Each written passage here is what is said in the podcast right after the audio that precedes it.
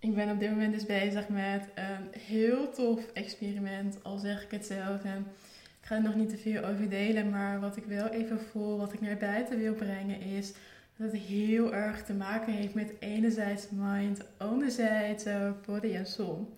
Want ik merk dat mijn mind heel erg aanwezig is in het experiment en echt dingen zegt van, oh maar dat kan niet, is niet verstandig, is levensgevaarlijk en nou je moet echt dit en dit en dit gaan doen.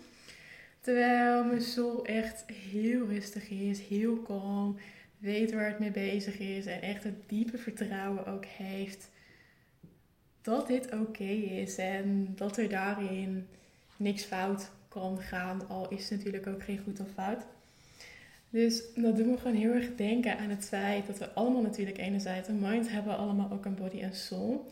Maar dat we mogen luisteren naar onze soul om vanuit onze hoofd te zakken in ons lichaam. Om niet alleen maar aan te staan met onze gedachten, met ons denken, maar echt ook naar beneden te zakken. Naar alles wat er in je lichaam zit qua gevoel, qua emoties, qua signalen.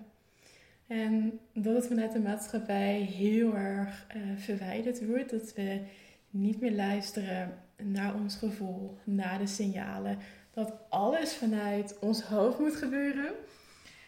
Terwijl je hoofd niet de beste raadgever is, omdat je hoofd geconditioneerd is door alle mensen om je heen, maar ook door alles wat je gezien hebt en gehoord hebt en meegemaakt hebt. En jouw lichaam is juist heel puur, de signalen zijn puur. Ehm, denk maar bijvoorbeeld aan een baby vanuit vroeger. Een baby is heel puur in het feit dat hij of zij gaat huilen als het aandacht nodig heeft, als het trek heeft. En gaandeweg het leven zijn we dat verloren. Zijn we verloren om echt naar die pure signalen te luisteren. En hoe mooi is het om weer terug te keren naar die signalen, om terug te keren naar je body, naar je soul. Om dus niet meer door het, door het leven te gaan vanuit je hoofd, maar door het leven te gaan vanuit je lichaam, vanuit de signalen die je lichaam je geeft. Dus ik wil je vragen om bij jezelf eens na te gaan van, hé, hey, maar hoe is het voor mij?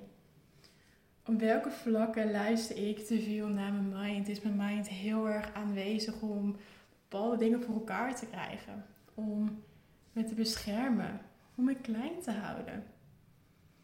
En als jij merkt dat je mind ergens aanwezig is, vraag dan eens of het op een andere plek wil gaan staan. Om als bijrijder te zijn in plaats van dat het achter het stuur zit. Want je mind is er, zal er ook altijd zijn, maar het mag wel een eigen plek krijgen in de driehoek van mind, soul en body.